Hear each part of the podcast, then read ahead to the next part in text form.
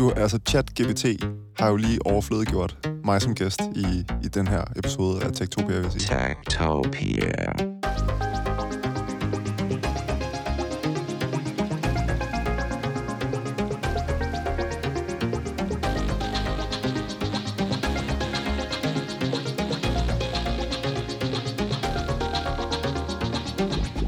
Tektopia er en podcast om mennesker og deres teknologi, udgivet af Ingeniørforeningen Ida i samarbejde med Teknologiens Mediehus og støttet af Ida Forsikring, Innovation Center Danmark, DK Hostmaster og Messecenter Hernings konferencer, EUT, HI og Automatikmessen. Mit navn er Henrik Føns, og det er mig, der bestemmer i Tektopia. Tektopia.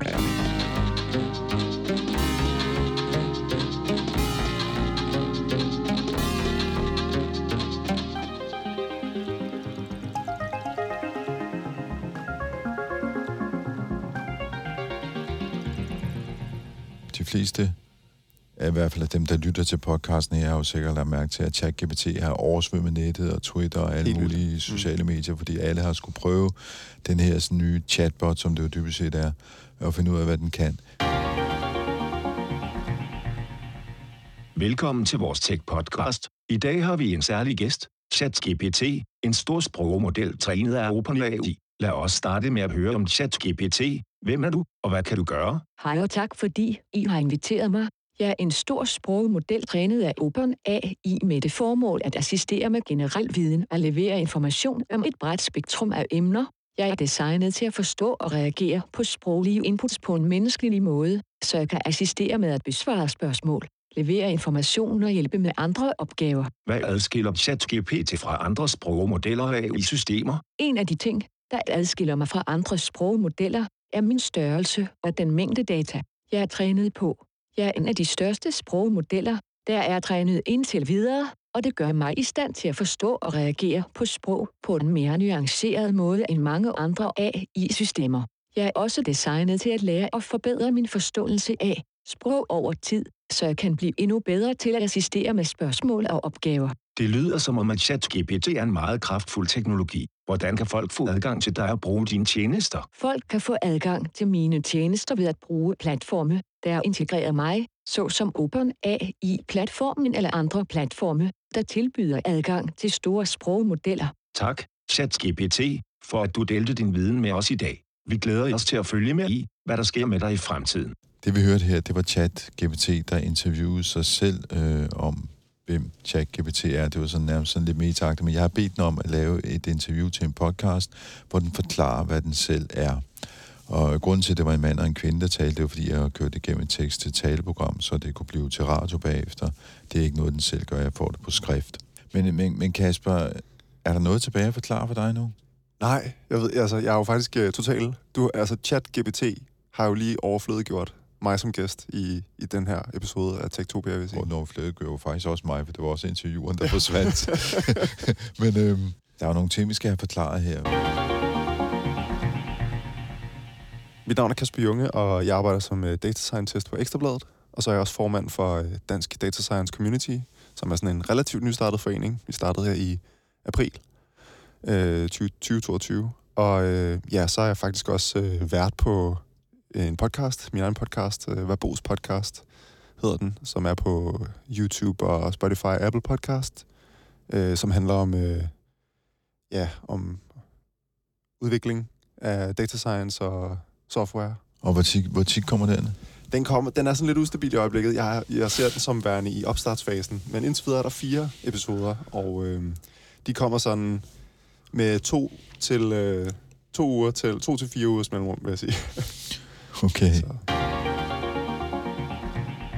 Hvordan er den her chatbot i stand til at konstruere den her samtale, så den lyder som om, at øh, det er en podcast, og så dybest set overflødiggør både dig som gæst og mig som vært? Ja. Altså, det er en lang historie. Men øh, man kan sige, helt grundlæggende så er det fordi, at der er ligesom bag ved den her chat-GPT, der er der en kæmpe, kæmpe stor sprogmodel, øh, som man måske også har hørt om, som hedder GPT-3, øh, som ligesom forstår sprog på en helt unik måde. Fordi den er kort, altså som den jo også selv- fortalt, fordi den er så stor, og så fordi øh, altså sådan, den, den, den har så mange parametre, og den er blevet trænet på så meget øh, data. Så det, man i virkeligheden har taget, det er en masse øh, tekst, og så har den så knævet sig igennem det, altså som et neuralt netværk, Ja, lige præcis. og, og, og lært, hvordan sammenhæng er mellem forskellige ord. Mm. Altså GPT-3, ja, altså man kan sige, den, den bygger på GPT-3. ChatGPT bygger, bygger på den model, øh, der hedder GPT-3. Faktisk, øh, for at være lidt mere nøjagtig, en, en, en model, der hedder GPT 3,5, som skulle være, som OpenAI siger, skulle være en forbedret version af GPT-3. Øhm, og den, ja, den bygger på den. den. Det er ikke kun den, men det er ligesom den, den der ligesom er grundmotoren i ChatGPT. Øhm, og den sørger for, at ChatGPT ligesom forstår sprog og kan ligesom have den her imponerende forståelse af sprog. Og GPT-3, eller 3,5, den er simpelthen trænet ved, at... Øh, altså for det første, som jeg den også selv sagde, er den kæmpestor. Den fylder, øh, hvis man skulle have den på sin computer, ville den fylde 800 gigabyte. Øhm, og, øh, og, og, og, og den har ligesom læst, kan man sige, øh, mange, mange hundrede milliarder ord, som den har læst på internettet. Men i virkeligheden så forstår den ikke selv sammenhæng, men det er sådan en slags sandsynlighedsberegning, når den konstruerer de her sætninger. Ja, det kan man godt sige. Det, den, det, den ligesom gør, det er, at den, den øh, givet et stykke tekst, så prøver den at forudsige det næste ord. Det er faktisk det, den gør. Og det, er jo- det er jo ret vildt, den så kan komme op med noget, der er så meningsfuldt. Ja. Og det er derfor, folk klipper så meget ud over den. Mm. Men du siger, det er så GPT 3,5, fordi vi har jo snakket om GPT 3 her i Mm. mm. uh, Tektober før, blandt andet med dig. Øh, og den er så forbedret, men det er også noget med, at øh, den datamængde, den øh, er, trænet på, øh, den stopper i 2021. De har ikke data, som er, er nyere end det, så der, der er ting, den simpelthen ikke... Øh, Jeg kan ikke Kan lige huske præcis, hvornår, men, men det er rigtigt nok, at øh, den, den chat-GPT, eller GPT, det er også forvirrende alle med alle de her navne her, men ja, GPT 3,5, som mm. Mm. de siger, at ChatGPT bygger på, den er trænet... Øh, jeg tror, de sagde, at den blev færdig med at træne i starten af 2022, mm, så vidt jeg kan huske. Ja. Øhm, og det vil jo så også sige, at den, det, det den, den ved. Så jeg, formår, jeg vil formode, at den for eksempel ikke ved noget om øh, krigen i, i Ukraine og, og sådan. i hvert fald ikke særlig meget. Nej, lige Nej. præcis. Så det, det er det, de siger. Men Kasper, når du så får den her sådan i, øhm, i øh, hvad skal man sige, med hænderne, hvad, hvad kan du bruge den til? Altså, du beskæftiger dig med sprogmodeller og data science, du sidder på ekstrabladet Mm. og, og laver... Jeg er faktisk ikke helt klar over, hvad du laver, når du siger, at du laver data science. øh. Nej, jeg beskæftiger mig rigtig meget med, med netop NLP, altså Natural Language Processing, øhm, som også er ligesom det, som øh, den her ChatGPT, den teknologi, som ChatGPT øh, baserer sig på. Øhm, og, og, og det involverer at skrive en masse Python-kode og bruge en masse, træne en masse neurale netværk og behandle tekstdata og træne neurale netværk med, med, med tekstdata. Og altså, for det første, når du spørger, hvad jeg har kunne bruge den til, så har jeg jo for det første, synes det, som alle andre, synes bare, det er sjovt at skrive alle mulige skøre ting til den, og se, hvad den svarer tilbage, og ligesom prøve at se, hvor, og man kan få den til at sige noget upassende, sådan, fordi det er jo også det, som, øh, det, det er også det OpenAI skriver. Deres mission med ChatGPT har været ligesom også at blive bedre til at få de her sprogmodeller til at opføre sig pænt. Så det er altid sjovt ligesom at prøve at se, hvor grænserne går, og hvad, hvad man ligesom kan få den til at sige af alle mulige ting og sager. Øhm, så det, øh, det, det er jo sjovt ligesom at prøve at øh, drille den lidt og se, om den i virkeligheden er intelligent. Øhm, men udover det, så har vi også øh, på, på Ekstrabladet, vi havde øh, i sidste uge, tror jeg det var, en dag, hvor vi bare alle sammen var helt fuldstændig øh, rundt på gulvet over, hvor vild den var. Øhm, fordi den jo også kan skrive kode, øh, hvilket også er et utroligt, øh, hvad skal man sige, brugbart værktøj til udviklere. Det vil sige, at den kan selv skrive computerprogrammer. Det kan den, ja. Ja. Og den kan, jeg kan bede den for eksempel om at skrive en... Øh, jeg kan bede den om at skrive et, øh, et program, som træner et neuralt netværk til at øh, vurdere, om en sætning er positiv eller negativ lavet. Altså om, den er, om der er noget hate speech i, eller om der er noget... Om, altså analysere et stykke tekst øh, øh, på baggrund af det, der hedder sentiment. Og det kan jeg sådan skrive i naturlig sprog til den, at du, den skal skrive noget kode, der kan træne sådan en model, og så skriver den det. Og nu siger du naturligt sprog, fordi det, det, er jo, det er jo faktisk en af pointerne her, fordi det, det er jo også meget måde, man kommunikerer med den på. Ikke? Ja. Der er et interface, som er super nemt. Ikke? Altså, det er ligesom, hvis jeg skriver på, på Messenger, eller skriver en sms til dig, det er faktisk det samme, jeg gør. Ja, lige og præcis. så skriver jeg bare med den her chatbot og får et eller andet tilbage. Og det er også det OpenAI skriver i deres øh, artikel, hvor de ligesom introducerer den her model, at målet, hele målet med ChatGPT er at gøre den øh, god til chat. Altså gøre den øh, naturlig at kommunikere med, og øh, ligesom at, at pege den i den retning, hvor at man rent faktisk føler, at det er en rigtig en rigtig AI, eller hvad skal man sige, man sidder og kommunikerer med. Ikke? Altså, så er der, de har været meget fokuseret på brugeroplevelsen, chat-brugeroplevelsen, øh, kan man sige. Ikke? Og der mangler måske også lige at sige her til vores diskussion før, eller vores snak før, om, at den baserer sig på GPT 3,5. Øhm, det er, og det skal, det skal bare lige siges, at GPT 3,5 er ligesom bare en grundmotor i ChatGPT. Øh, hvad skal, hvis det giver mening. Altså sådan, den, det er ligesom bare den, der ligesom står for sprogforståelsen. Og så har man så ligesom bygget... Øh, altså, det er jo ikke, de har jo ikke været helt åbne om, selvom det hedder OpenAI, så har de ikke været helt åbne om, hvordan de rent faktisk har bygget den her både trænet den, men også bygget hele applikationen. Men øh, der er givetvis øh, altså en masse rundt om GPT-3, som ligesom sørger for, at den her brugeroplevelse kommer til at være sådan, som den er. Øh, og det, ja, så... så mm. Men altså, vi har, vi, vi, vi, vi, vi har, jeg har brugt den personligt til at skrive kode, og når jeg har fået, når jeg har selv har skrevet noget kode, hvor jeg har fået nogle øh, fejlmeddelelser, så har jeg skrevet fejlmeddelelserne til, øh, til, hvad hedder det, til ChatGPT, og så har den forklaret mig, hvad, der var, hvad, hvad problemet var, øh, og har hjulpet mig med at debugge min egen kode. Og du har simpelthen fået rigtige svar. Ja, ja sådan, sådan øh, ja, altså sådan ikke 100% rigtig øh, altid, men sådan imponerende rigtige svar. Og jeg har også, øh, jeg har også nogle gange haft øh, noget kode, jeg har vil have skulle gå hurtigere, så har jeg ku- kunne give ChatGPT det kode, og bedt den om at gøre det hurtigere, og så har den givet mig noget kode tilbage, som var hurtigere. Med, Hvad, altså, hvad, altså, hvad, hvad, hvad betyder det så? så du, har fået et godt, du har fået et godt værktøj, eller betyder det, at det på sigt så kan øh, hvad skal man sige, mere eller mindre komme til at, øh, at øh, erstatte dig, ligesom øh, den erstattede dig og mig som gæst og studievært her før? Jamen, det er jo det helt store spørgsmål, og det er det, alle er meget optaget af. Øhm, jeg ser det mere som... Jeg ser det ikke som om... Altså, jeg vil ikke være tryg ved at sige til ChatGPT, at nu skulle du lige kode hele ekstrabladet.dk øh, fra scratch, og i øvrigt også selv skrive alle artiklerne. Det vil jeg ikke være tryg ved. Men der er rigtig meget øh, kognitiv arbejde i at udvikle og skrive, skrive kode. Der er rigtig meget med at gå ind, hvis man vil noget, så er der rigtig meget med at huske, hvordan filen var det lige at gøre det. Og så er det ind på en hjemmeside, hvor man kan finde noget dokumentation, finde nogle kodeeksempler, så kan man kopiere dem over i sin egen og sidde ret til og så videre. Øhm, og det kan det, det tager meget tid øh, og, og, og gøre, kan tage meget tid at gøre de her ting. Det er selvfølgelig noget, man bliver bedre og bedre til. Jo mere erfaren man bliver, så kan man huske det hele. Øhm, øh, og skal ikke ind og kigge i dokumentationen hele tiden. Øh, men man kan ikke undgå, at, at man skal ind og kigge i dokumentationen en gang imellem. Og der leverer ChatGPT et imponerende, og det er også det, der du vil høre mange udviklere rundt omkring i verden sige, den leverer virkelig et imponerende sådan øh, mock-up-værktøj til kode, kan man sige. Hvor man bare, ligesom man skrev på Google, jeg vil gerne lave et eller andet, der kan det her. Okay, så får du øh, 100 linjer kode øh, med forklaring af, hvad det gør, og hvad for nogle biblioteker den bruger osv. Og, og så, øh, så kan det godt være, at det, det stykke kode ikke kører, når du putter det ind i din terminal og trykker enter.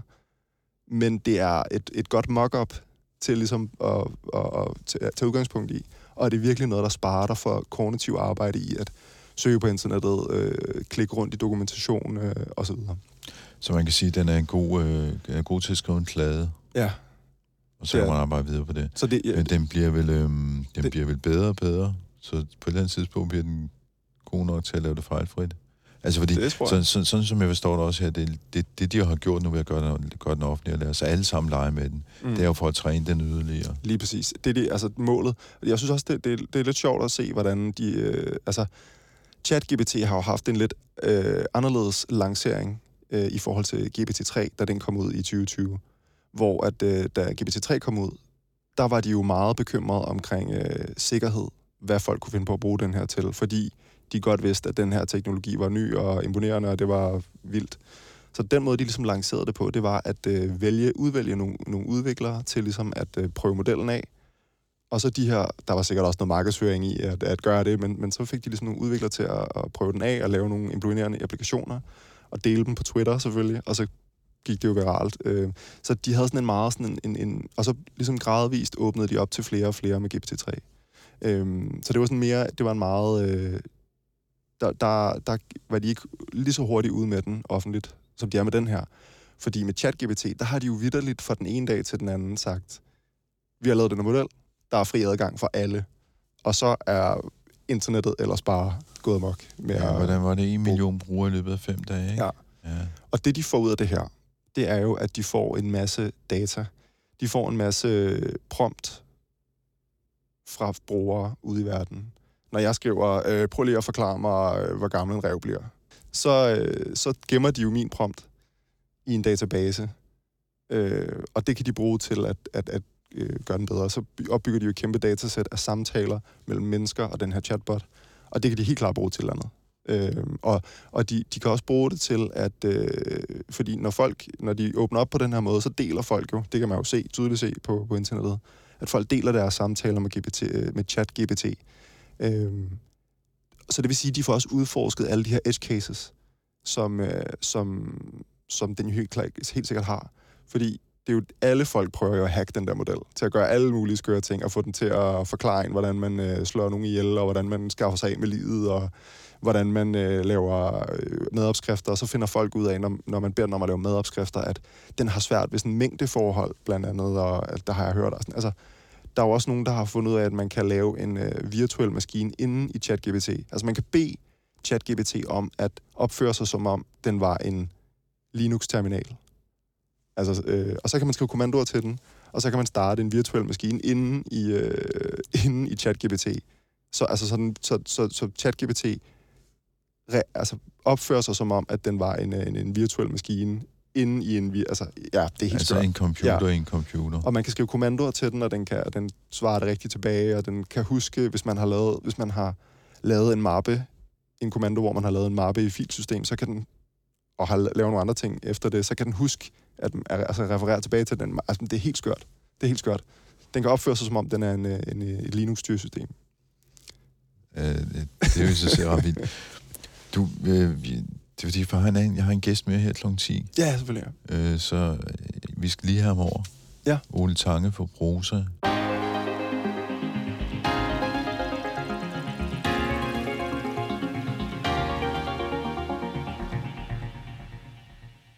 Og øh, så holdt vi lige en lille pause her, fordi jeg skulle lige over og hente en gæst mere. Det var nemlig Ole Tange fra Prosa, hvor du er politisk øh, rådgiver.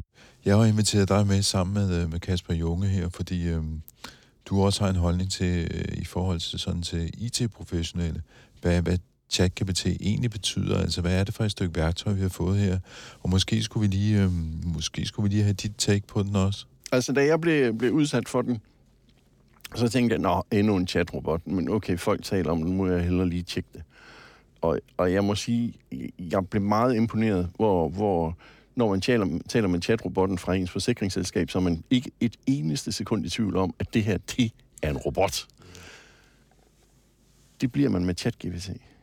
Og jeg siger ikke, at den består af Turing-testen, men, men, men vi er derhen, hvor jeg indimellem glemmer, at det er en robot, der sidder i den anden ende. Det, er, øh, for mig at se, så er det her skældsættende sammen med, sammen med, med de her billedgenereringsværktøjer her, som også er, er dukket op nærmest i år. Der vil jeg mene, det her det er, de, det, er den, det er den største teknologiske revolution, der sker i 2022. Hvad kommer det til at betyde for, for eksempel medlemmerne af Prosa, altså IT-professionelle i Danmark? Altså en af de ting, der kommer til at betyde, det er, at, at man kan få en masse øh, template-kode. Øh, Øh, tidligere har jeg jo programmeret øh, modeller til skibe, og der i en situation, der skulle jeg lægge to tal sammen. Og det nemmeste var bare at skrive noget kode, hvor jeg skulle lægge de her to tal sammen. Men det rigtige ville være at lave nogle klasser, hvor der var nogle metoder, hvor de kunne få de her to enkelte tal fra. Skulle jeg have gjort det en enkelt gang, så havde jeg nok bare sprunget over, hvor gaden var lavest. Men nu skrev jeg så den der øh, rugbrødskode, få lavet alle de klasser, få lavet alle de metoder, og det er bare... Åh, hvor er... Altså, det, det er bare ikke sjovt. Det er kedeligt. Det er i den grad kedeligt. Okay. Og, og hvis jeg kunne få en juniorprogrammør til det, så ville jeg det. Det havde vi ikke, for vi var en lille virksomhed, så, så, så måtte jeg jo gøre det selv og, og gøre det rigtige. Ikke? Og fordi vi vidste bare på længere sigt, ville det være det rigtige at gøre, og der, så, så ville vi, det ville kunne svare sig på længere sigt at gøre det rigtige. Med ChatGPT, der får vi alle sammen den her juniorprogrammør. Øh, det betyder ikke, at ChatGPT kan levere løsninger, som bare virker. Øhm, øh, øh, på Mastodon stødte jeg på, på en, som, som havde brug for noget eksempelkode til noget, jeg ikke vidste noget som helst om. Og så tænkte jeg, uh, det er spændende at se, om ChatGPT kan svare på det. Så nu tog jeg hendes spørgsmål ordret, proppet ind i ChatGPT, og så tog jeg svaret ordret og pastede til hende og sagde, er, er det noget i den her stil, du kan bruge? Og hun svarer tilbage og siger, at, øh, at det virker ikke, men nu rettede hun halvanden linje kode, og så virkede det. Og det passer jo faktisk meget godt med det, du fortalte før, Ja. ja. Kasper. Det var faktisk også det, du havde gjort jo. Ja, lige præcis. Jamen, øh, simpelthen, øh, hvis jeg får en fejl, eller der er en bug i noget af det kode, jeg skriver, så, skriver jeg det til, så kan man skrive til GPT-3, og så kan den faktisk komme med et, et, et imponerende godt bud på, hvad der er fejlen, og hvordan man kan løse den. Men jeg tænker, vi er nødt til at se den som, som uh, enten juniorprogrammøren der, hvor man siger, der ikke er så trænet, eller, eller den fulde onkel, som måske, måske ikke lyver. Ikke? men, men den her onkel, han ved rigtig meget, ikke? Og, og det er sådan, du, du er nødt til at være lidt kritisk over for ham, men, men, uh, men det kunne godt være, at han havde ret. Jeg den også om, øh, for, forleden om at skrive et stykke kode, som kunne, øh, hvad hedder det, kunne gøre noget, ligesom øh, kunne lave nogle predictions med en øh, transformer-model også, som den her teknologi også baserer sig på. Bare i lidt mindre skala, skal det siges. Øhm, og der, der kom den så med et ret godt bud til at starte med, men der kunne jeg godt se, at den havde lavet nogle fejl, som ville gøre, at det ville være en meget langsom, øh, et meget langsomt svar, den ville give. Så skrev jeg til den, at det kan du godt gøre bedre, det der. Det, det går lidt langsomt, det der. Prøv lige at refaktorere, så det bliver, bliver hurtigere. Og det kunne den. Den kunne, godt, den kunne også finde noget sådan, om ligesom at rette sig selv og, og sige, nå ja, det kan jeg godt se, og så, øh, så ændrede den koden, så det gik hurtigere. Og lige bestemt den der har jeg også haft. Ja. Fordi mm. jeg skriver til den, hey, kan du ikke lige give mig kildekoden til at spille kryds og bolle? Og det gør den så. Og det er, okay, så har jeg ikke kildekoden til at spille kryds og bolle. Super fint. Og så kører jeg programmet, og så siger ah, ved du hvad, der er altså opgaven misforstået, kammerat, fordi at ganske vist kan jeg spille kryds og bolle, men det er mod mig selv. Altså, det, det, det er to mennesker, der skal taste ind. Det var jo meningen, du, kære, kære computer, skulle spille den ene, og jeg skulle spille mod dig. Øhm, og så skriver jeg netop til den og siger, ej, ved du hvad, det må du kunne gøre bedre, det der, fordi at meningen var jo, at jeg skulle, skulle spille mod dig. Bum, så får jeg øh, kildekoden, hvor jeg spiller mod den. Og så, siger din jeg her til, sammenligning med en juniorprogrammør er ret god, faktisk. og så siger jeg, så siger jeg til den, ah, men, øh, ved du hvad, altså nu har du skrevet det i Python, kan du ikke give mig det i Perl i stedet for? Kommer det i Perl, Som er et andet programmeringssprog. som er der en programmeringssprog. Og det oversætter den simpelthen bare. I et. Jeg ramte så i den grænse, at, at, at svarene, som den kan... øh, øh, Robotten her er ikke klar over, at, at der er en, en, øh, en, en, en begrænsning på længden af svarene. Svarene klippes ved 10 kilo, Ah, og det ved robotten ikke. Øh, så robotten tror, at den har givet mig det fulde svar. Jeg var simpelthen nødt til at sige til den, ved du hvad, nu er du nødt til at give mig de første 10 kilobyte af dit svar, og så de næste 10 kilobyte af dit svar, og så selv sætte dem sammen. Lidt bøvlet, men, men, men ja, hvis man er klar over den begrænsning, så kan det lade sig gøre. Men den kan man så komme udenom, kan jeg forstå. Man kan, man kan bede den om at fortsætte, hvor den slap. Ja. Det har jeg gjort, og der fortsætter den bare. Okay. Nå, okay. Så, Nå. så den er klar over Så når, den- når den løber tør for tokens, den ligesom kan outputte, så kan man sige fortsæt, og så kører den videre. Uh. Så, så, øh, og det er jo det, der også er så imponerende ved den, at den har den kan huske tilbage i samtalen og referere tilbage og, og ved godt, hvad der foregår på den Vil, vil, det, vil det så sige, hvis man for eksempel bruger den til at skrive en roman, så kan man også få den til at fortsætte? Man kan jo prøve. Der er, i hvert fald, der, der, der er nogle ting, den ikke kan, øh, og det er ret tydeligt, øh, fordi jeg brugte en time på at få, lavet den, få den til at lave en vidighed. Det kunne den Det ikke. kan den ikke. Den har ikke humor. Det, det, det, altså, det nærmest, den kan godt skrive noget i en, i en let tone, i en glad tone, men en vidighed, det, det, det, det kom jeg simpelthen ikke frem til. Det, det, det klarede den ikke. Men den klarede et heltekvad til vores IT-afdeling. Det kunne den godt. Altså, jeg har bedt den om at skrive pop-hit som MIDI-fil. Og det fik jeg så også spyttet ud. Jeg har så ikke programmeret det ind i en sequence eller noget, men, øh, men det skal jeg have gjort for at se, hvad, hvad det egentlig er, den har givet mig. Ja, nå, Jeg, jeg præsenterede det for nogle musikere og sagde, jo, og så sad jeg og gættede lidt. De skulle lige sige, "Nå, men det her det er nok pitchen, og det der det er nok, og det er den tonart, den går i, og sådan noget. Det ser meget rigtigt ud, det her. Jeg bad den også om at lave melodien, øh, og, og få det ud i, hvad hedder det, det her ASCII-notation, som man kan proppe ind i, i, i et program på nettet. Ah. Øh, øh, nej, øh, den vinder ingen øh, øh, Melodi på det der i hvert fald. Det gør den ikke. Jamen, her til morgen, der bad den lave en, øh, en punk-sang om at være om kunstig intelligens og være desillusioneret af det moderne samfund. med akkorder. Den fik jeg også ud. Den skal, skal jeg også prøve. Jeg- tror, teksten, den, den rammer den. Akkorderne, Ja. hmm, not so much. Ja, det, det vil være det, var sådan, det var ret jævnt. Men nu siger I juniorprogrammør. Det er juniorprogrammøren. Er, kommer det her til at koste arbejdsplads, eller hvad, hvad, hvad er konsekvensen af den her teknologi? Det, det kan jeg ikke sige, men det, jeg, kan, det, det jeg, jeg godt tør spå, det er, at, at hvis jeg får en juniorprogrammør, så bliver jeg mere effektiv. Og der skal vi huske på, at juniorprogrammøren også får en juniorprogrammør. ikke? Det er ikke kun mig, der får det. Det får vi alle sammen. Og det vil sige, at juniorprogrammøren bliver også mere effektiv. Det er ikke, det, det, jeg tror ikke, at det her i første omgang kommer til at gå ud over, over arbejdspladser, i hvert fald ikke inden for IT. Jeg kan være lidt mere nervøs, når vi ser på billedrobotterne. Øhm, OpenAI AI har også lavet en, en billedrobot, der hedder DALI, som ud fra en tekst kan generere billeder. Øhm, og de billeder er middelmådige. Hederlige, middelmådige. De er ikke super gode. Der er lidt med fingrene og øjnene en gang imellem. Og Der sådan, er men- helt klart plads til forbedring.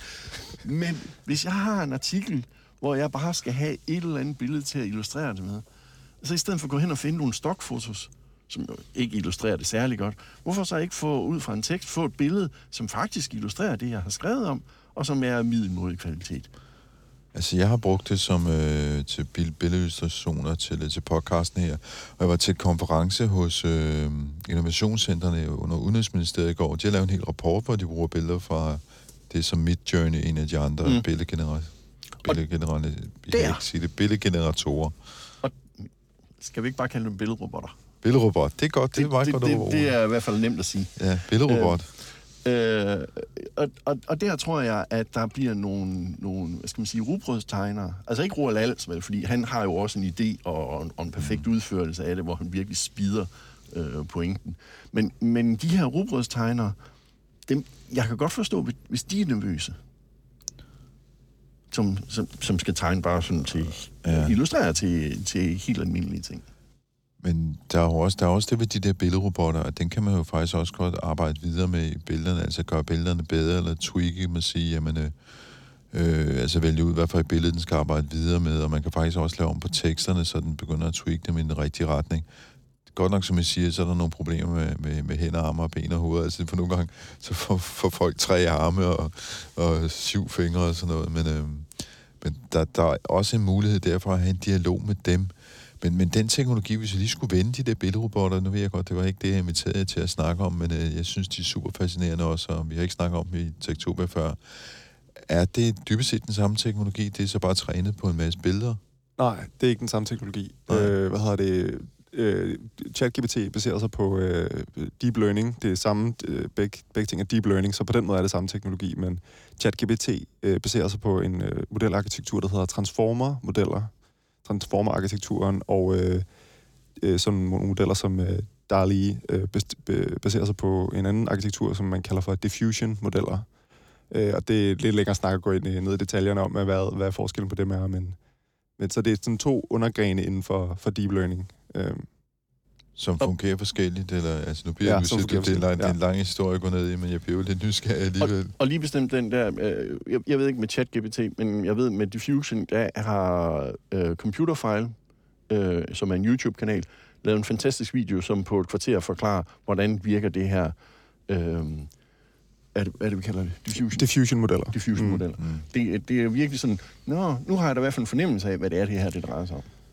Så er der en anden ting her, fordi øh, nu snakker vi jo, det er jo OpenAI, der har lavet den her sådan, øh, teknologi, og de har så også lavet DALI, og det er nogle andre, der laver de andre diffusion-modeller der. Men, øh, men hvad, hvad, hvad betyder det egentlig? Altså får vi monopol på det her, ligesom øh, Google ligesom har monopol på søgning og så videre? Eller hvad, hvad, hvad, hvad, hvad byder fremtiden på det her? Kommer vi i lommen på Altså, OpenAI på en eller anden måde? Lige nu tyder det jo rigtig meget på, altså det, de er kæmpe store, de her modeller. Jeg har læst et sted, at det har kostet, ja, hvad var det, øh, 4,6 millioner dollars at træne GPT-3, øh, og sikkert også GPT-3 3,5, øh, som ChatGPT ligesom baserer sig på. Så bare, der er en kæmpe barrier to entry, bare for at træne de her grundmotorer, som man bruger i de her modeller. Øh, og derudover så er, øh, når du så har trænet dem, så har du en, øh, en model på 800 gigabyte, øh, som du ligesom skal køre på en eller anden form for computer, og det kan du ikke køre på din egen personlige computer. Det skal du have en eller anden form for supercomputer til at bare køre modellen på. Øh, Og det vil jeg understrege, de der 800 gigabyte, det, det er i RAM. Det er ikke, det er ikke diskplads, vi taler om. Nej, De, dem- de skal være i RAM. dem skal du have ind i hukommelsen på din computer. Altså arbejdshukommelsen. Ja. Ja. For det skal være tilgængeligt umiddelbart. Ja. Ja. Så det er bare, altså, hvis du, lad os sige, du havde trænet en sådan en model, så bare det at køre den vil være sådan en, en øvelse øh, i sig selv. Øhm, så de, der er helt klart øh, et issue med tilgængeligheden øh, med hensyn til de her modeller. Det er, de er utrolig, det kræver, det kræver nogle bestemte kompetencer og en masse ressourcer at komme i gang med det. Øh, når det så er sagt, så findes der faktisk øh, en øh, open source øh, udgave, eller, eller ekvivalent til GPT-3, øh, som er øh, trænet af en organisation, der hedder Big Science. Og det er en model, som hedder Bloom, som også er en, øh, en, en, en stor sprogmodel, som er trænet på størrelse med GPT-3, som er trænet på, på samme måde. Så på den måde øh, kan man sige, at hvis man snakker om monopol, og om det kun er Google og OpenAI, der kommer til at, at have patent på den her teknologi, så er der jo... Det, det kunne man godt... Lige nu ser det meget sådan ud, det er meget sådan, det er, men i og med, at der findes open source ekvivalenter til de grundmotorer, de har i de her applikationer, så kunne man godt forestille sig, at det vil blive samlet op af nogen, øh, der, ligesom, der ligesom ser en eller anden form for pointe med at gøre det. Øh, men den her Blue-model, den er så tilgængelig for alle, så man kan arbejde videre på den. ja, den ligger på internettet. Men den, skal du, når du, den har jeg prøvet at downloade, men jeg har ikke plads nok på min computer til at downloade den. Og hvis jeg, hvis jeg downloadede den, så ville jeg jo ikke, jeg ville ikke engang kunne, øh, jeg ville ikke engang kunne køre den. Jeg ville ikke engang kunne loade den ind med noget kode, og så give den en prompt og få noget tilbage, fordi jeg er der på den her 16 GB RAM, ikke? og den fylder 800 GB. Også Bloom. Ja, jeg, jeg, jeg ved ikke helt præcis, hvad den, men det, det, det er det leje, vil jeg, vil jeg tro. Og fordi min hobby, hobbyserver, den har 512. Ja. Måske kunne vi... øh, så man skal, man skal have sin egen server, når man skal have noget cloud computing for at kunne køre sådan en model Ja. ja. der. Ah, vi må jo sige, i praksis, så vil det være det, der kommer til at ske. Fordi hvor, hvor tit er det, jeg skal snakke med ChatGPT? Det skal jo ikke køre min egen server for mine sølle chats. Nej, det skal naturligvis køre i et eller andet cloud Ja. ja. eller lignende. Det Lige vil være helt ja. naturligt.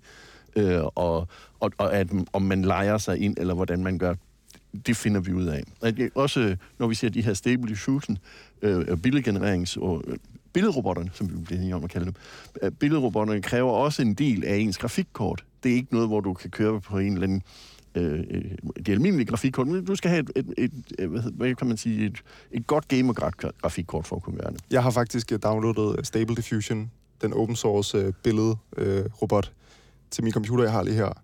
Og når jeg skal beder den om at lave et billede, så tager det en halv time. Men det er så også, fordi jeg gør det på, på CPU'en, ikke? Ja, og, og, og der, er det, der er det relativt billigt i dag at, øh, at lege sig en cloud, som, som er, hvor, hvor du får et image med Stable Diffusion på. Øh, og, og så kan man sige, okay, så kan jeg lege det der image og, og betale en krone for det, og så har jeg den i en time, og så skal jeg jo ikke bruge den længere. Og, og måske det er en bedre måde at gøre det på, end netop at Ja. downloade den og vente en halv time på det. Men når du snakker om, om der er om OpenAI, virksomheder som OpenAI og Google og Facebook, om de er ved at få monopol på det her, så vil jeg sige, at jo, det er, det er i hvert fald dem, der roder rigtig meget med det og forsker rigtig meget i det, i det øh, pt. Men i og med, at der findes open source øh, løsninger på det her, så er der også muligheder for, for andre virksomheder at begive sig ind i det her. Men jeg tror, at det er de færreste virksomheder, der har sikkert kompetencer, men også sådan, ser nogen idé i at begive sig ud i det her. Øh, men det er faktisk noget, jeg er ret øh, nysgerrig på at finde ud af, om, om altså, er der rent faktisk nogle virksomheder i Danmark, lad os bare sige, der sidder og for eksempel og prøver at, at køre den her Bloom-model. Det tror jeg ikke, der er. Men øh, Øh, jeg der, ved det ikke. Der, der er vel en ting ved det, fordi nu snakker vi tidligere om, øh, før du kommer, Ole, om, øh, om det der med, at folk prøver at få, øh, få, øh, få ChatGPT til at lave ting, som den ikke er beregnet til, altså, altså skubbe den lidt, ikke? stødende ting. Ja. Stødende ting, ikke? Øh, det ville man jo kunne, hvis man kørte en, en, en open source model, ikke? Det vil du kunne. Øh, Og, og, og open source-modellen er, hvor jeg siger, jeg, jeg, jeg synes, du sagde det meget godt, om at der er en risiko for, at de får patent på det. Hvis de får et softwarepatent på det her, så det, at der eksisterer en open source-model, det er simpelthen ikke en garanti for, at vi kan få en fri konkurrence. Fordi hvis virksomheder tager den her open source-model og bruger den, så kan de blive ramt af softwarepatenter. Og det er en af problemerne ved softwarepatenter. Det er netop den der med, at du kan få en monopolsituation. At, at du kan godt lave noget, noget open source, men du må ikke bruge det erhvervsmæssigt. fordi der er softwarepatent på den måde, at på, på selve ideen. er ideen. Okay. Der ved jeg faktisk ikke, hvordan det forholder sig med, med Bloom og Stable Diffusion, men øh, jo helt klart også noget, man skal være opmærksom på. Men igen, det er jo ikke, det er jo ikke, det er jo ikke softwaren som sådan, der er, der, der er patent på det, idéerne til den her software, så det kan godt være nogle helt andre, der sidder med patenterne, end dem, som har udviklet software. Mm. Mm. Så det behøver ikke engang være OpenAI. Det behøver ved du det princippet ikke. Så var der det der med, med prisen, fordi så, du siger, Ole, så kan man køre det som en, som en cloud-installation, så koster det måske en krone at, at køre den her. Men jeg ved, Kasper, du har kigget på, hvad det kostede at, at, at, at lave en enkelt chat med, øhm, med, med ChatGPT. Ja, altså, hvad hedder det, øh, direktøren for OpenAI, Sam Altman, han øh, på femte dagen, tror jeg det var, han øh, annoncerede, at øh, ChatGPT havde fået 1 million brugere allerede, hvilket han synes var ret vildt. Øh, I kommentaret, i kommentaren til, den, øh, til det tweet, der spørger Elon Musk, hvad øh, det koster at køre øh, en chat med, med den her ChatGPT. Og der nævner Sam Altman, at øh, det koster et øh, single digit cents, altså det må være det, det, det, det tolker jeg som at være mellem 1 og 9 cent øh, per chat øh, at køre den her. Øh, men han skriver, at de er i gang med at optimere, optimere på det. Øh, ja, så det er prisen for at køre øh, ChatGPT. Og hvor Og hvis man, siger, så siger de, hvis man så siger, at den har 1 million brugere, og de har måske en, en ja, hvad, i gennemsnit fem chats om dagen, så kan man selv begynde at regne ud, at det, det er sådan rimelig peberet at have sådan en sådan bæst kørende. Nej, den kørende, ja. Ja. Så bundlinjen i det her er jo nok, at lige nu så hjælper vi alle sammen med at træne den, men på et eller andet tidspunkt lukker de den, fordi det simpelthen er for dyrt. Ikke sikkert. Altså, det, jeg kunne læse mig til på Wikipedia, at, at de har partneret med Microsoft. Mm. Øh, og Microsoft, øh, jeg kunne forestille mig, at... Øh, nå, ja. Hvad er det, jeg bruger min søgemaskine til? Jeg bruger den til to ting. Jeg bruger den til at finde Elgigantens hjemmeside, fordi jeg ikke kan huske, de hedder elgiganten.dk. Ikke? Og så bruger jeg den til, at jeg har et problem, jeg skal have løst, og jeg er øvrigt ligeglad, hvad for en hjemmeside det kommer fra. Det andet øh, øh, øh, pro- problem her med, med at finde, finde løsning på problem, det tror jeg vil blive indbygget i søgemaskiner, herunder Bing fra Microsoft. Fordi hvis de timer op med ChatGPT, så vil du kunne beskrive dit problem i søgeprompten, og så vil, det, vil, øh, vil Bing eller ChatGPT komme med et, et forslag til en løsning på det problem, du har, når det ikke er en, en side, du søger efter. Men jeg tror, hvis det skal være profitabelt, altså hvis, øh, lad os bare sige, at øh, Google søgning kører det på ChatGPT, så tror jeg ikke, det vil være en profitabel forretning at være Google. Øh, men altså, det regnestykke har jeg selvfølgelig ikke lavet, men jeg, jeg synes bare også, at øh, man skal huske på, at de er kæmpestore, de her modeller, og de, er, de koster virkelig meget at køre. Øhm, så jeg tror, jeg tror personligt med hensyn til at- med det her med, at OpenAI har lavet åben adgang. De har jo, nu, har- nu har de jo bare sat den frit tilgængelig for alle. Mm. Mm. Og det har de også skrevet, at det, det er sådan en, en research-periode, de har det. Jeg tror, de kommer til at lukke den, og så tror jeg, de kommer til at gøre det på samme måde, som de har med GPT-3, at de kommer til at øh, udstille den som service, altså et betalt API, som man kan bruge og betale per token, altså per ord, man ligesom øh, kører igennem den. Mm. Øh, Men i forhold til at, øh, at kombinere med en søgemaskine, øh, den viden, vi søger ned i, eller jeg ved ikke, om vi skal kalde det viden, men altså den mængde information, vi søger ned i med, med, med, med ChatGPT, øh, den er jo, hvad skal man sige, afgrænset, ikke? fordi den er, øh, øh, øh, som vi snakker om tidligere, også øh, trænet på et afgrænset sæt data, hvor når man søger på Google, så får man jo stillet alternativer op, ikke? Altså, så man selv kan gå ned og bladre i, og sige, jamen det er det, det, det, det jeg leder efter, eller vil hellere kigge på det her link og så videre. Hvor man faktisk med ChatGPT jo kun får et svar. Eller hvis man kombinerer det med Bing, så vil man få flere Ole, eller hvordan? Er du med Det- på, hvad jeg... Det, altså, igen, da, jeg, jeg refererer lidt tilbage til, til, til den fulde altvidende onkel, Ja, hvor jeg siger, at øh, du må ikke tage det for pålydende. Det, det er et forslag til et svar. Øh, og, og det er det, jeg tror, vi, kan- vi kan komme frem til. Jeg tror ikke... Jeg tror, jeg har meget svært ved at forestille mig, at vi kan træne sådan nogle AI'er på en måde, så den altid vil komme med det rigtige svar. Jeg tror simpelthen ikke, at du kan lave det der filter ordentligt. Også fordi, at, at for nogen... hvor- Hvordan ser virkeligheden ud? Hvis du ser den fra det ene vinkel, ser den ud på den ene måde, og hvis du ser den fra den anden vinkel, ser den ud på den anden måde. Hvilket svar er det rigtige? Mm. Alene af den grund tror jeg, det er svært at lave en AI, der kan komme med, med, med, med korrekte svar. og samtidig det der med, at den bliver programmeret, så den ikke øh, kommer med det, man kalder for stødende indhold, ikke? Altså det kommer vel også til at sætte nogle begrænsninger ind i forhold til, hvad den egentlig kan svare. Og der vil være dele af samfundet, som faktisk ikke eksisterer for den. Det vil der. Og det er jo problematisk, hvis man bruger den som søgemaskine. Ja, det ved jeg ikke. Altså, hvis, du bruger, hvis du bruger Google og Bing i dag som søgemaskiner, så filtrerer de jo også ting væk. Ja. Så det tror jeg bare er same same.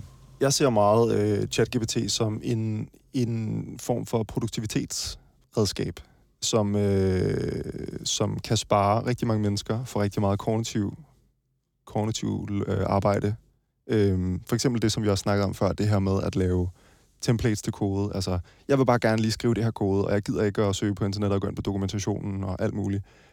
Jeg vil bare skrive nogle, noget, i noget, formulere i noget naturligt sprog, hvad jeg har brug for, og så få et eller andet mock-up bud på det kode, jeg skal bruge. En klade, som vi snakker om Ja. ja. tidligere. Mm. Mm. Ja. Øhm, og så ligesom til udgangspunkt. Altså, det, det sparer mig for rigtig meget kognitiv belastning, hvilket gør, at jeg kan blive mere produktiv.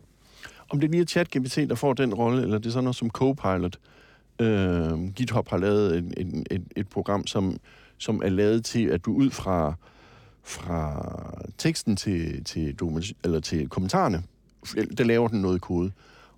Og den er skrædders, det, det her, den her AI er skræddersyet til at generere kode, hvorimod ChatGPT øh, er jo, er jo bare en, en, en sprogmodel i det hele taget. Om det er den ene eller den anden, der kommer til at vinde lige bestemt den der kamp om at skrive kode, det ved jeg heller ikke. Mit gæt er, at, at den, der, der er, er trænet på kode og, og, og, og beregnet til at lave kode, og på sigt bliver bedre til det, end den generelle model. Men jeg tror også, man skal, man skal også huske på, at Microsoft, som jo har ejer, som for nylig har købt GitHub, øh, de har jo også øh, investeret en milliard dollars eller et eller andet i OpenAI, og har, er partner med OpenAI, så ja, det er givetvis, altså det, jeg kunne forestille mig, at det er den samme teknologi, der kører ned under. Så, øh, så jeg tror, at de, de deler viden, og det er ligesom, jeg kunne forestille mig, at det er meget, mange af de samme modeller, der ligesom er grundmotor i det her. Og som, som jeg har forstået det, så arbejder man på GitHub også netop med, øh, med øh, hvad hedder det, kode, som kan rette kode, som er, altså, hvad skal man sige, debugger noget af det Mm. kode, der er på GitHub. Mm. Så det er måske noget af den samme teknologi, de vil bruge det, eller? Det tror jeg. De, altså man kan, de har jo også trænet øh, en, en øh, jeg, tror, jeg tror, den hedder også- har, og OpenAI har også trænet en model, som jeg tror, den hedder Codex, som er trænet på kode simpelthen. Øh, bare, altså, I stedet for, at det er naturligt sprog, tekst, så er det bare kode, den er trænet på. Øhm, ja, og den, den, den, den er jo så bedre til kode, ikke? Øh, Så hvis vi skal ligesom prøve at, øh, at runde af og lave sådan en, øh, en bundlinje her, så det vi i virkeligheden ser, når vi bruger den her chatbot på nettet nu, hvor vi sidder og leger med den, og har det super skægt og så videre, det, det er kun toppen af isbjerget, fordi det, det i virkeligheden handler om, det er at øh, skabe en langt mere effektiv måde til at bygge software, computersystemer på. Det, mm. det er virkelig måske det, der er, Jeg tror, den er mere generel end det. det tror du? Ja, fordi jeg tror... Altså, jeg er gammel nok til at kunne huske internettet, før der var søgemaskiner. Søgemaskiner, det gjorde virkelig en forskel på, hvordan jeg, hvor- hvordan jeg arbejder i min hverdag. Øh, øh, jeg, jeg, jeg har faktisk ikke talt på, hvor mange gange jeg søger på dagen, men mit- gæt er, det er et sted mellem 10 og 100. Jeg tror, at det her bliver en teknologi, der er lige så transformativ, som søgemaskiner var dengang. Og det bliver lige så en integreret del af vores hverdag at bruge det her, at vi slet ikke kommer til at tænke over det. Jeg tænker jo ikke over, at jeg bruger en søgemaskine i dag. Jeg skal bare lige have fundet den her information. Og det tror jeg kommer til også at ske med det her. Og jeg tror, det bliver bygget ind flere og flere steder. Det bliver bygget ind i øh, udviklingsværktøjer øh, til dem, der skal skrive kode. De bliver bygget ind i tekstbehandlinger til dem, der skal skrive almindelig tekst. Det her bliver et generelt værktøj, ligesom søgemaskiner er det i dag. Jeg tror også, man skal huske på, at eller jeg er ret overbevist om, at alle de problemer, der er med ChatGPT nu her, for eksempel det her med, at den er så stor, at den er, kan være uetisk og stødende, og ikke fortælle de rigtige ting osv., Øh, jeg er ret overbevist om, at OpenAI de arbejder rimelig metodisk med at øh, forbedre de her problemer. Og øh, jeg er overbevist om, at det bliver, kommer til at blive bedre på sigt. Øh, så jeg er ret optimistisk omkring, hvad jeg tror, den kan komme til at kunne udrette i fremtiden. Øhm, ja, og, og jeg synes, hvis man øh, så det synes jeg, man skal tænke på, hvis man skal tænke på, hvad den, det her kommer til at betyde i fremtiden, at de problemer, der er nu, kan jeg ikke se som, som kan man sige, ingeniør, at de ikke bliver bedre fremover. Øh, der er i hvert fald mange muligheder for at gøre det meget bedre. Og øh, jeg tror også, man skal kigge... Jeg, jeg er meget optaget af det her med, at den fylder 800 gigabyte, og den koster 1-9 cent at køre per chat. Øh, den er så kæmpestor og, og bøvlet at have med at gøre. Og jeg tror også bare, hvis vi... Jeg, jeg har kigget lidt tilbage, øh, hvor at jeg har kigget på en af de første computere, ENIAC, øh, hvis I kender den, som blev vist i øh, 1946. Den, var, den fyldte 150 kvadratmeter, og den vejede 30 tons, og den havde øh, 17.468 radiorør. Øh, altså de gamle transistorer, øh, der var før, at øh, man fandt ud af at, øh, at lave dem. Øh, og den kostede, øh, dengang kostede den 500.000 dollars at lave. Øh, og det, øh, fandt jeg ud af, at det svarer til cirka 8,2 millioner dollars i dag. Øh, så det er også et kæmpe projekt dengang. Øh, kæmpe skrummel af en computer, som øh, sikkert kan mindre, end, end hvad vores øh, smartphones kan i dag. Øhm, og det skulle ikke undre mig, hvis, øh, hvis de computer, vi har i dag, er blevet i hvert fald en, en million gange hurtigere og mindre siden dengang. Altså siden, øh, hvad, hvad er det, en 75 år siden. Øhm, så jeg synes, det er sjovt at lege med tanken om, hvad nu hvis øh, modeller som ChatGPT om, om 75 år bliver en million gange mindre og en million gange hurtigere? Så vil det svare til, at øh, ChatGPT øh, eller GPT-3 vil fylde under en gigabyte, eller, eller under en megabyte. Og så kunne man forestille sig, at man kunne, få, man kunne ligesom integrere den i øh, alle mulige forskellige devices, øh, for eksempel ens mobiltelefon, uden problemer. Man kunne forestille sig, at man kunne have en øh, chat-GPT i ens brødrester, som kunne hjælpe en med alle mulige mærkelige ting. Øh. Så jeg tror også, jo, jo, jo flere forbedringer vi får på alle de her ting, jo mere muligheder vil der, flere muligheder vil der opstå øh, hen ad vejen. Og vi ved allerede i dag, at der er, der er forskning i at lave øh, neural net, øh, hvor man siger, at i stedet for at have den, den store model, kan du så nøjes med en, en model, der fylder en hundrededel del, men som måske kun er 99% så god som den anden. Er du villig til at ofre en lille smule af, af præcisionen mod, at den bliver voldsomt meget mindre? Det kunne man også godt forestille sig vil ske med ChatGPT. Og så bliver det billigere, det bliver mere tilgængeligt, og så kan det bruges mange flere steder. Så behøver det ikke at blive kørt på en supercomputer et eller andet sted i San Francisco. Så kan det blive kørt i, ja, både restaurant og brilleetuiet, og- eller brillestillet og alle mulige skøre steder. Altså det, I sidder og beskriver her, det er jo det, Ray Kurzweil kalder singulariteten. Dybest set. altså, Knapperne op, men ja. knap og nap. Vi nærmer os et eller andet, ikke, der ligner det. Det kan jeg ikke rigtig finde ud af om skræmmende, eller hvad det er. Der er nogle mennesker, der synes, det her er super skræmmende, men så, det, I, er jo, I er jo dybt begejstrede. Kan I forstå, hvis folk er bange for det? Det kan jeg egentlig godt. Det er i hvert fald tit, jeg, jeg, jeg synes, øh, når, når de, her, de her teknologier får så meget øh, mainstream opmærksomhed, øh, som de gør, så bliver jeg altid mindet om, at der er rigtig mange, der er nervøs for det her, og bange for det, og så videre. Øh, hvorimod jeg selv er jo bare helt op at køre, og synes, det er mega spændende. Og det synes jeg helt klart, man skal tage alvorligt, at, øh, at og ligesom imødekomme folk, der er nervøs for den her udvikling, og hvad der skal ske. Men jeg synes på en eller anden måde, at OpenAI, de kommunikerer i hvert fald, at de er meget optaget af sikkerheds, de, de sikkerhedsmæssige ting i det her. Altså med etik, stødende, altså sørge for, at de her modeller ikke opfører sig racistiske, og hvad hedder det, alle mulige forskellige ting. Ikke? Øhm, så jeg tror, jeg tror, at dem, der sidder og udvikler de her ting, er, har en eller anden form for eti, etisk kompas inden i sig, og i den udvikling, de ligesom har med det. Øhm, så hvis det kan ligesom berolige nogen, så, så synes jeg, man skal tænke på det i hvert fald. Men man kan også sige, jo mere tilgængelig den her teknologi bliver, og jo mere open source det bliver, og jo mere alt muligt, så bliver der jo også flere, der kan bruge, bruge det til alle mulige ting. Så, øh, men altså, jeg, er, jeg tror, jeg er grundlæggende meget optimistisk, og jeg er ikke øh, bange for det.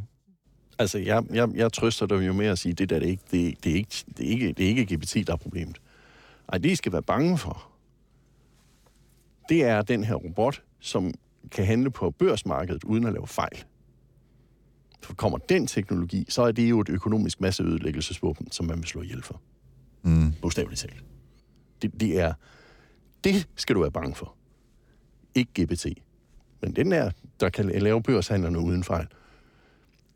Det behøver ikke engang gøre det uden fejl, bare den gør det uden fejl i langt de fleste af situationerne og, og, og, og, og, og skabe overskud. Fordi det land, eller den virksomhed, som får den teknologi, vil blive beskyttet af det land, hvor de betaler skat i.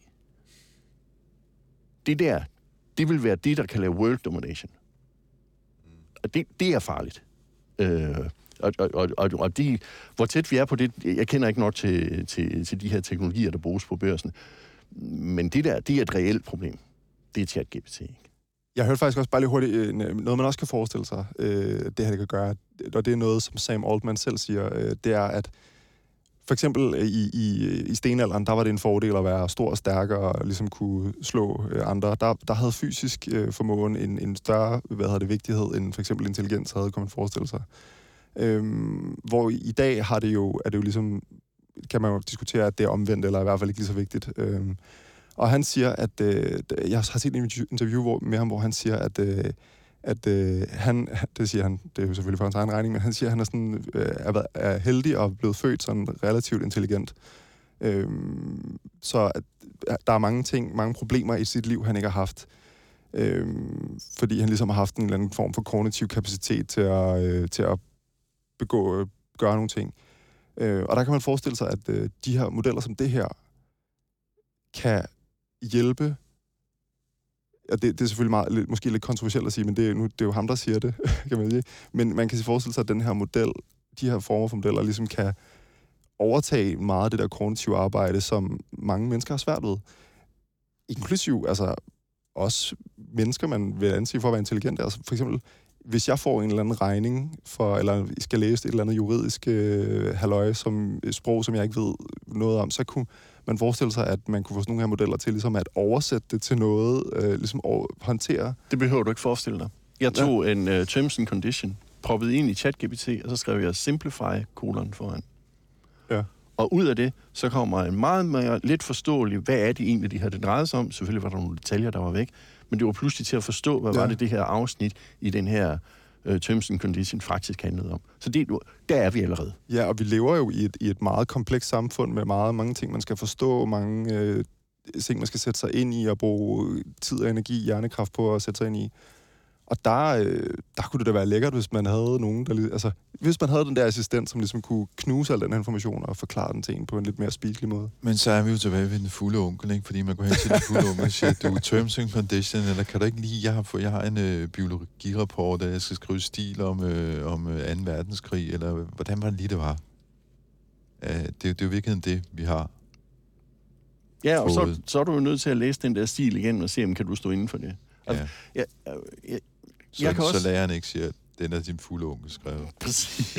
Men, Det er men, men et af de steder, hvor jeg, godt, hvor jeg faktisk kan se, at det har, uh, kunne have en demokratisk positiv effekt, det er jo ved, ved, ved folk, der har en holdning, men har svært ved at kommunikere den holdning. mm, De kan nu reelt skrive et læserbrev, hvor de får ChatGPT til at udtrykke deres holdning, og efter at de har læst det igen og sige, ja, det kan jeg faktisk godt stå indenfor, så kan de sende det her læserbrev.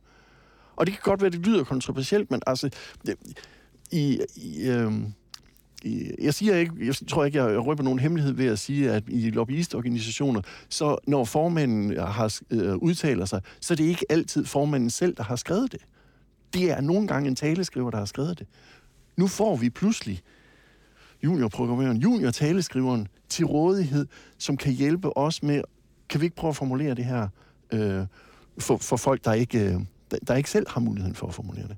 At de har pludselig en til at hjælpe sig. Så man kan også ja, man kan diskutere, om, om de her former for teknologier i virkeligheden ikke kan, kan enable rigtig mange mennesker, som øh, måske er, er altså, ja, øh, det er meget kontroversielt at sige, men er mindre kognitiv, øh, hvad skal man sige, eller måske bare er meget kognitivt belastet i forvejen. For eksempel formanden for, øh, for en organisation, som, øh, som, som har rigtig mange ting at se til i dagligdagen.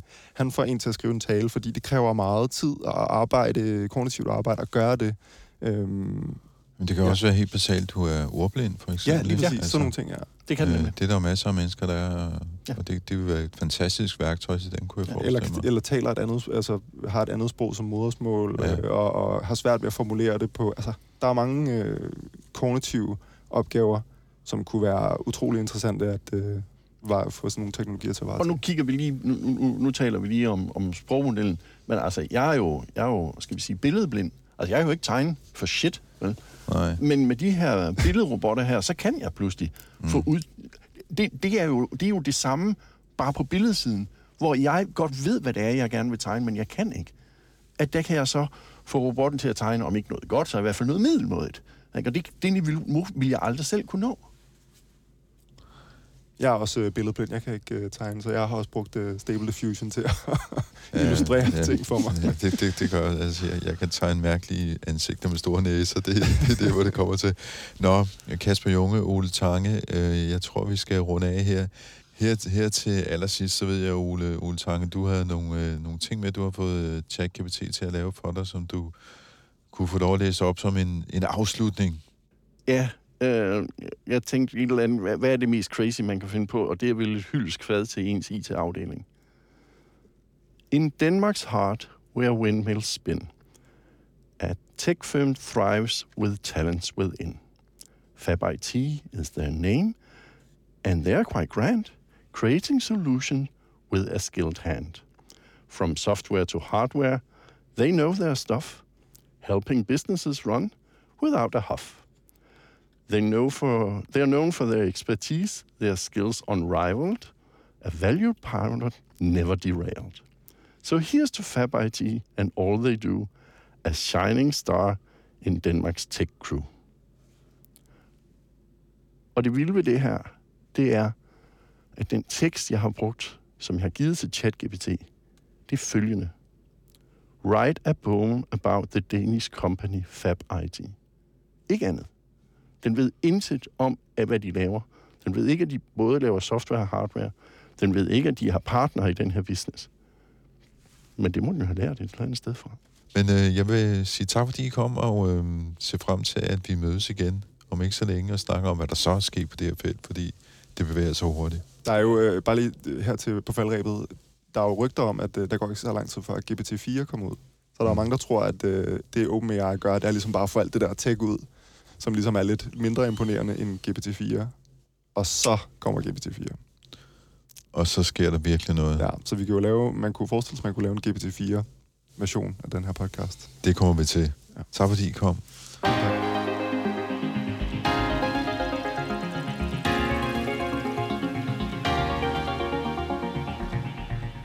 Og sørg mig, om vi ikke også har modtaget et podkort fra Ingeniørens podcast Transformator. Er der noget, danskerne har lært af energikrisen, så er det prisen på el.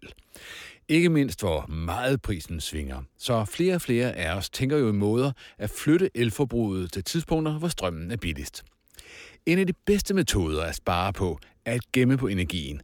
Det har en ingeniør en idé til i denne uges podcast fra Transformator. Vi ville have to palletanke, så vi får 2.000 liter. Og det er, øhm, øh, det er simpelthen for, at så kan vi gemme varmen fra om natten, typisk hvor elen er billig, og bruge den om dagen. Og samtidig så er det sådan, at når vi kommer ind i weekenden, så er elen rigtig billig. Og så vil de blive lavet op til maksimalt 65 grader. Og så vil det være sådan, at så har vi varme nok til de næste 2-3 dage. Hør, hvordan man med en enkel ingeniørkunst og genbrugsplast kan spare halvdelen af strømudgiften til varmepumpen derhjemme. Lyt med i Transformator. Og hvis du gerne vil diskutere øh, teknologi med ligesindede, ja, så kan du øh, besøge vores øh, gruppe på Facebook. Den hedder Tektopia Backstage. Tektopia her udkommer hver mandag, og den bliver produceret af mig. Jeg hedder Henrik Føns, og til at hjælpe mig, der har jeg Veronika Bolin. Jeg tror bare, vi lader den stå åben her, ikke? Så, og så er, det, så er det nu, vi skal sige, at alt det, vi har sagt i den her podcast, det er skrevet GPT, ja, chat-GPT. Og bare læst op af os. Ja, Tak fordi I havde mig med på jeres podcast. præcis. Jeg glæder mig til at fortsætte med at assistere folk med at finde svarløse opgaver. Lad mig vide, hvis I har yderligere spørgsmål eller kommentarer. Techtopia.